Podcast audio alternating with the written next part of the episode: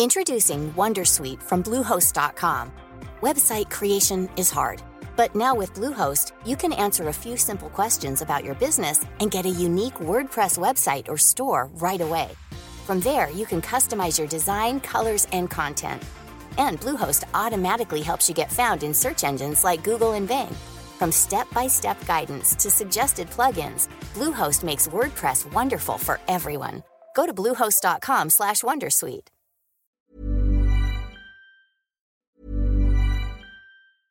Introducing Wondersuite from Bluehost.com. Website creation is hard, but now with Bluehost, you can answer a few simple questions about your business and get a unique WordPress website or store right away. From there, you can customize your design, colors, and content. And Bluehost automatically helps you get found in search engines like Google and Bing. From step-by-step guidance to suggested plugins, Bluehost makes WordPress wonderful for everyone. Go to bluehost.com/wondersuite.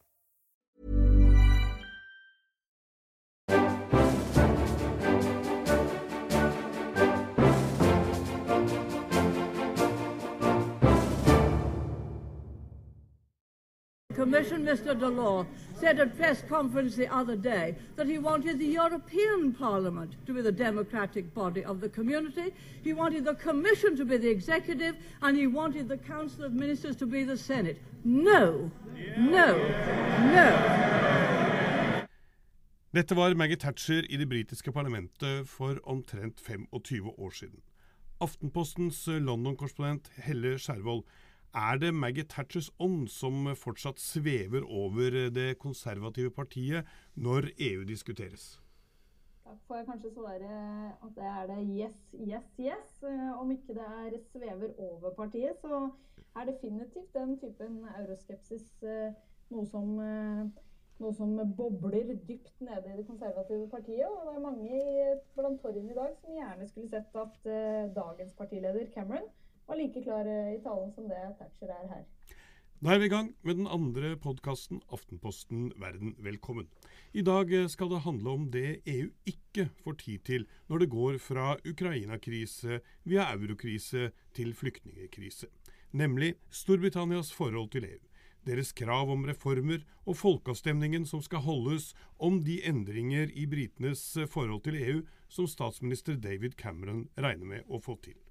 Med oss har vi også Helle Skjervold fra London, som vi alt har hilst på, og Aftenpostens nylig hjemvendte europakorrespondent Ingeborg Mo.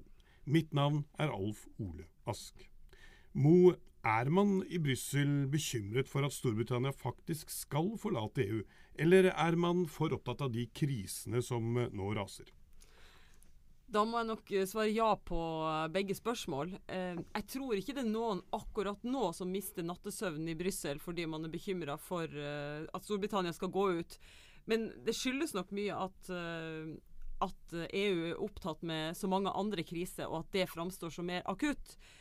Det er jo ingen tvil om at uh, de andre EU-landene veldig gjerne vil at Storbritannia skal forbli et medlem av unionen. Det er jo tross alt et av de største landene. Det er et økonomisk veldig sterkt land, et av dem som det går best for. Og det vil være et stort prestisjenederlag hvis britene uh, vil si uh, goodbye til Europe. Men Mo, dersom man nå ikke hadde hatt f.eks. denne flyktningkrisen som opptar alle, og før det eurokrisen, så ville vel det trøblete forholdet som britene har til EU, og det, dette at det kan bli en folkeavstemning i et land som har vært medlem så lenge, vært en av de store sakene man har diskutert i Europa? Ja, det tror jeg nok. Samtidig som EU har jo en egen evne til å bli kasta ut i litt uforutsigbare situasjoner noen ganger, og ha en evne til å, å ikke ta tak i det også før det er helt akutt. Men selvsagt, dette er en kjempestor problemstilling, og det er jo en litt uvanlig situasjon, selv om man også tidligere har hatt uh, liksom krise som handler om liksom tilknytningen til EU og hvor tett man skal være osv., så videre, sånn som man hadde for ti år siden, da det var folkeavstemning i, i Frankrike og Nederland om en ny EU-konstitusjon. Så det at liksom et land skal reforhandle avtalen om de i det hele tatt skal være medlem, det er jo noe nytt. Men Skjervold, forklar oss, hva er det egentlig Cameron vil øh, Hva er det han vil oppnå? ja, hva han vil oppnå, og hva det er han forsøker å få til av, av taktiske årsaker, det kan, være, det kan være en liten nyanseforskjell der. fordi Cameron selv er ganske EU-vennlig innstilt, men han driver altså nå et prosjekt, en, en frierferd rundt omkring på kontinentet for å få med seg da, de andre unionslandene på en hel rekke ting. Ja, hva, hva, hva konkret eh, Dra det gjennom for oss. Hva konkret ja. er det han egentlig eh, Kanskje ønsker? Øverst på ønskelista, og, og, noe Cameron har omtalt som et slags sånn minstekrav da, for å si seg fornøyd med dette reformarbeidet, det er at man må sette noen tak og noen begrensninger på hvilke velferdsgoder man har rett på som nyinnflyttet EU-borger i et nytt land. Altså Hvis man som f.eks. Eh, polsk eller eh, spansk eh, migrant kommer for å, for å, bosette seg i Storbritannia. Fordi det de er opptatt av her, er det som kalles eh, Hva kaller man det på norsk? Velferdsturisme. Velferdsturisme på godt norsk. Altså dette at man tror mange kommer til Storbritannia uten å ha jobb eh, på forhånd, og da benytter seg av alt fra gratis helsevesen til arbeidsledighetstrygd, eh, sykehus osv. Så, Så han vil f.eks. sette noen eh, eh, grenser da, på hvor mye man må ha jobbet for eksempel, i dette nye landet før man har rett på den typen goder. Han vil mhm. gjerne også, hvis han kan, ha noen tak på hvor Eh, hvor mange eh, migranter man kan ha fra de ulike landene, altså fra de nyere EU-landene, fordi de opplever at det er for mange eh, fra de nyeste EU-landene som flytter nordover og vestover. Det får han nok neppe gjennomslag for. Og så ønsker han mindre byråkrati og mindre fjernstyring fra Brussel. Men eh, Mo, en del av disse eh, tingene her er det da bred enighet om i EU. Senest i State of the Union-talen til eh, Jean-Claude Juncker denne uken, så sa han at han var for mindre EU-byråkrati og ville komme Cameron i møte på noen av disse punktene. Ja, akkurat det er jo de fleste enige om. At de vil ha et bedre fungerende EU, et mer effektivt, et bedre fungerende indre marked. Det indre markedet er det jo ingen som er uenig i at Det er jo liksom kjernen i EU. Men, men uh, problemet er vel at Cameron utfordrer en del av de andre, altså prinsippene liksom, som ligger til grunn i EU som fri bevegelse av uh, arbeidskraft. I hvert fall framstår det sånn. Og så tror jeg altså måten dette har skjedd på, gjør at uh, det, det, kan bli vanskelig å få overbevist en del av medlemslandene. Det, det, vet vi at det er en, en, god del av de spørsmålene Cameron tar opp, som en del eh, bare sier nei takk til.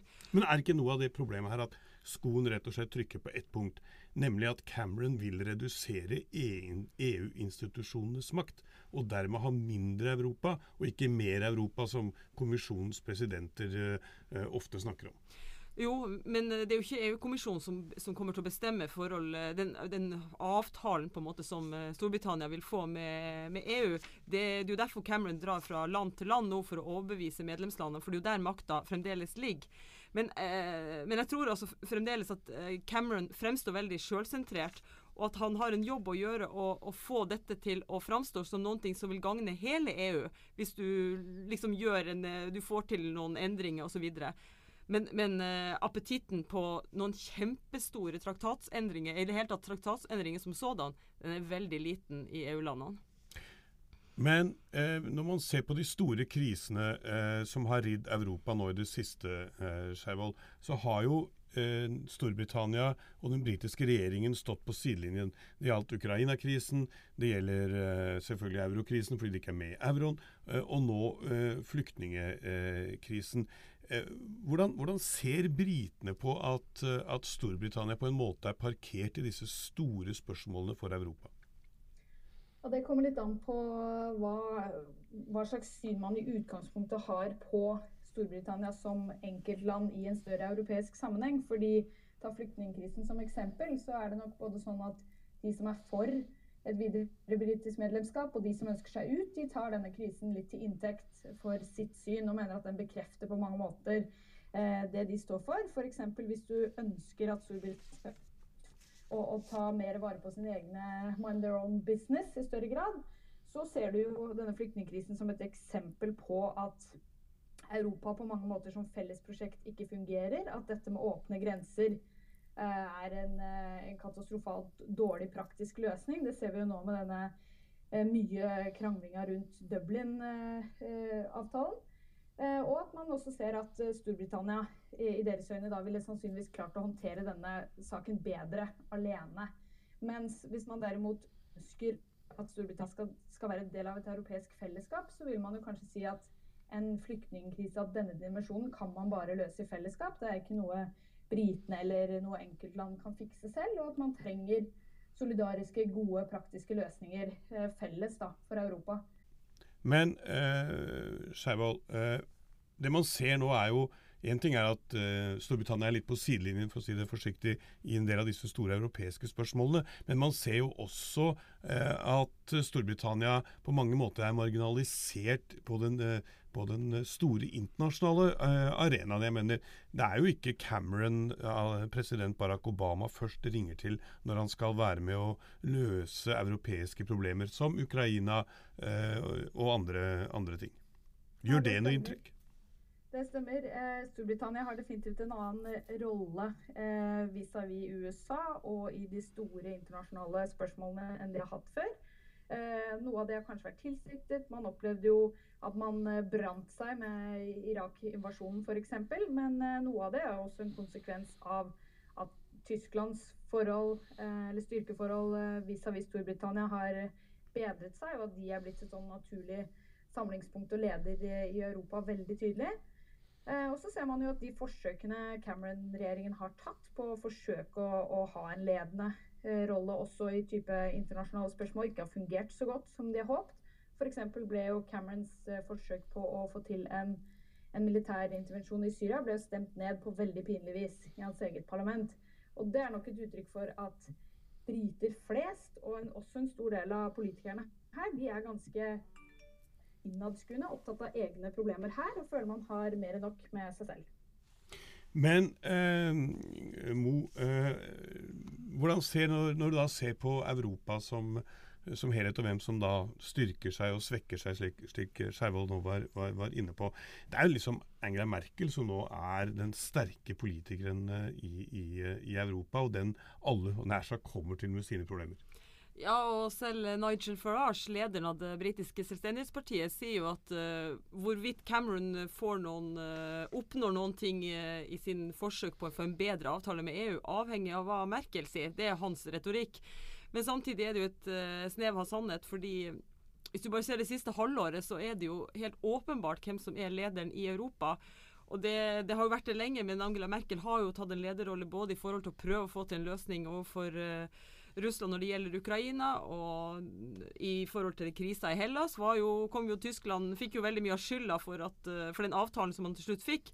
Og nå da har jo på en måte Merkel blitt moder Europa igjen med å åpne armene for syriske flyktninger. Og, og, måten hun snakker på, der hun hele tida sier at jeg vil ha en europeisk løsning, det, dette handler om Europa osv., det er jo noe helt annet enn det Cameron snakker om. Disse britiske EU-motstanderne, eh, Skjervold, hva slags tilknytning til EU er det de ser for seg dersom de skulle vinne en folkeavstemning og det blir nei? Ja, det er et eh, godt spørsmål, og det er ikke noe samlet eh, nei til EU-bevegelse her som har et soleklart alternativ. Eh, det man gjør nå, er å se på ulike løsninger. Bl.a. ser man mot Norge og den type tilknytning vi har. Man ser på mulighetene for å forhandle en helt egen og unik eh, frihandelsavtale med Europa f.eks. Ehm, men, men det man ser, da, hvis man leser disse tenketankrapportene og alskens, ehm, alskens utredninger som nå foregår, så er jo stort sett konklusjonen at ingen av de eksemplene man i dag har på andre typer tilknytning til EU og til Europa enn det enn det britene har. Ingen av det ville fungert spesielt godt for Storbritannia, ser alltid ut til å være konklusjonen, fordi Storbritannia har et så spesielt forhold til Europa og er en så stor eh, økonomi og et land som er forventer å kunne bestemme såpass mye over egne forhold at de f.eks. aldri ville godtatt en sånn type løsning som det vi har i Norge, da, der man får mye EU-regler tredd nedover hodet uten å kunne bestemme over det. Så det kommer nok ikke på tale.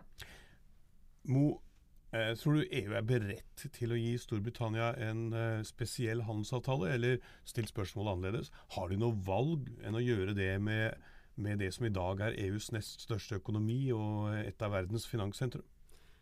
Jeg tror nok helt sikkert at EU vil eh, inngå en handelsavtale med Storbritannia hvis de meldte seg ut, akkurat som de gjør med Sveits, og på en måte også med Norge. Men, men eh, det er jo et stykke før vi er der, og eh, det skal jo foregå Det vil jo bli veldig interessant å se hvordan prosessen framover vil bli. fordi at, som vi jo begynte med, det er jo veldig lite tid til å, å jobbe med disse spørsmålene i EU nå. Og foreløpig har jo europeiske ledere ikke hatt noe egentlig å gi Cameron annet enn at de vil høre mer hva han krever, og de egentlig syns at uh, dette virker som en sånn soloutspill som, som bare skal gagne eh, Storbritannia. Altså, Franske politikere sier at det er ikke plass til å drive på en sånn sherry-picking, at du bare velger de tingene som er bra med EU, men ikke vil ha de andre sidene. Ja, og på EU-toppmøter så har man stort sett bare tid til å diskutere med britene under kaffen og konjakken, selv om det, det, kan være viktig nok. Men tilbake til deg, eh, Skjervold, og eh, stille spørsmålet Tror du at det blir ja eller nei i den folkeavstemningen som kommer om, om noen måneder, skråstekke, skråstrek eh, år? Ja, nå har jo Cameron sagt at han vil ha fortgang i sakene. Han vil gjerne ha avstemningen allerede på forsommeren eller sensommeren neste år. Så, så mye kan jo skje selvfølgelig innen da. Men eh, helt siden 80-tallet, begynnelsen av 90-tallet, så har jo de virkelig store nasjonale undersøkelsene vist at det er ikke et flertall, eller det har ikke vært i hvert fall fram til nå et flertall for å melde seg ut. Men det er en ganske stor andel av briter som sier de er eh, misfornøyde med EU-medlemskapet slik det er i dag, og gjerne skulle sett det reforhandla. Så selv om det nå nylig kom en eh, meningsmåling som viste et knapt flertall for utmelding, så har jeg vanskelig for å se at de går for det. Spesielt fordi stort sett hele den politiske og økonomiske eliten her borte er ganske klar i sin tale på at de mener at eh, et videre medlemskap ville vært lurest. Dette er den første og den siste podkasten med Aftenpostens London-korrespondent. Ledelsen i mediehuset Aftenposten har eh, avgjort, som er kommunisert tidligere, at kontoret skal uh, stenges ned. Og uh, Helle, hva skal du gjøre nå? For min del så går jeg ut i foreldrepermisjon. Så da blir det ikke mer podkasting fra meg. Da sier vi takk til Helle Skjervold og ønsker lederen i Aftenpostens utenriksrett, Hanne Lier, velkommen. Eh, Aftenposten har hatt korrespondent eh, og eller stringer i London nesten siden Amandus Skipsteds tid, sier eh, de som har fulgt vår historie. Hvorfor legger Aftenposten ned sitt London-kontor? Det er en avgjørelse som selvsagt ikke gjøres med lett hjerte. Som du sier, så har dette vært et kontor som har vært viktig i vår utenriksdekning i snart 100 år. Det er en tradisjon. Eh, så for oss er det jo et, eh, en ren prioritering av ressurser. Som denne podkasten også viser, så har tyngdepunktet i Europa flytta seg. Eh, vi må flytte etter når vi ser at Europa først og fremst handler nå om forhold til Ukraina, sikkerhetspolitikk, flyktninger, eurokrise. Så er det viktigere for oss å ha en større tyngde, mener vi, i dekningen i resten av Europa. Og prioriterer derfor ikke lenger et kontor i London. Men uh, Aftenposten har på få år lagt ned kontorene både i Norden, Tyskland og nå London. Uh, I en tid, som du selv sier, der, og som vi har vært inne på, at utfordringene i Europa øker.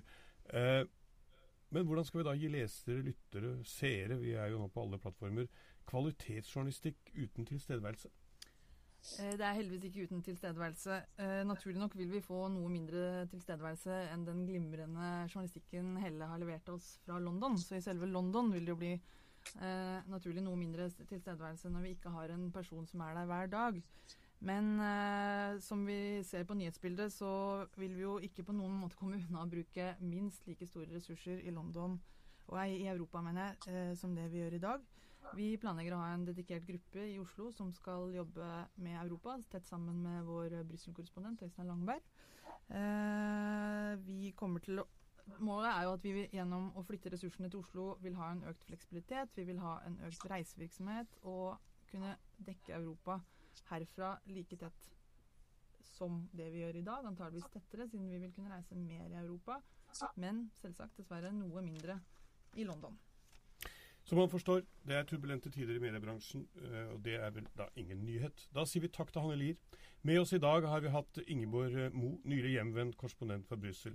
Heller Skjervold, som nå skal stenge ned London-kontoret. Vi som lager Aftenposten Verden, hører gjerne fra deg med tips og innspill. Aftenpostens utenriksjournalistikk finner du på alle plattformer. Kommer det vi gjør Eh, kommenter gjerne det vi gjør på Twitter eller Facebook. Oss finner du eh, til og med på papir i en postkasse nær deg. Mitt navn er Alf Olask. Jeg er utenriksmedarbeider i Aftenposten. Vi er tilbake om en uke.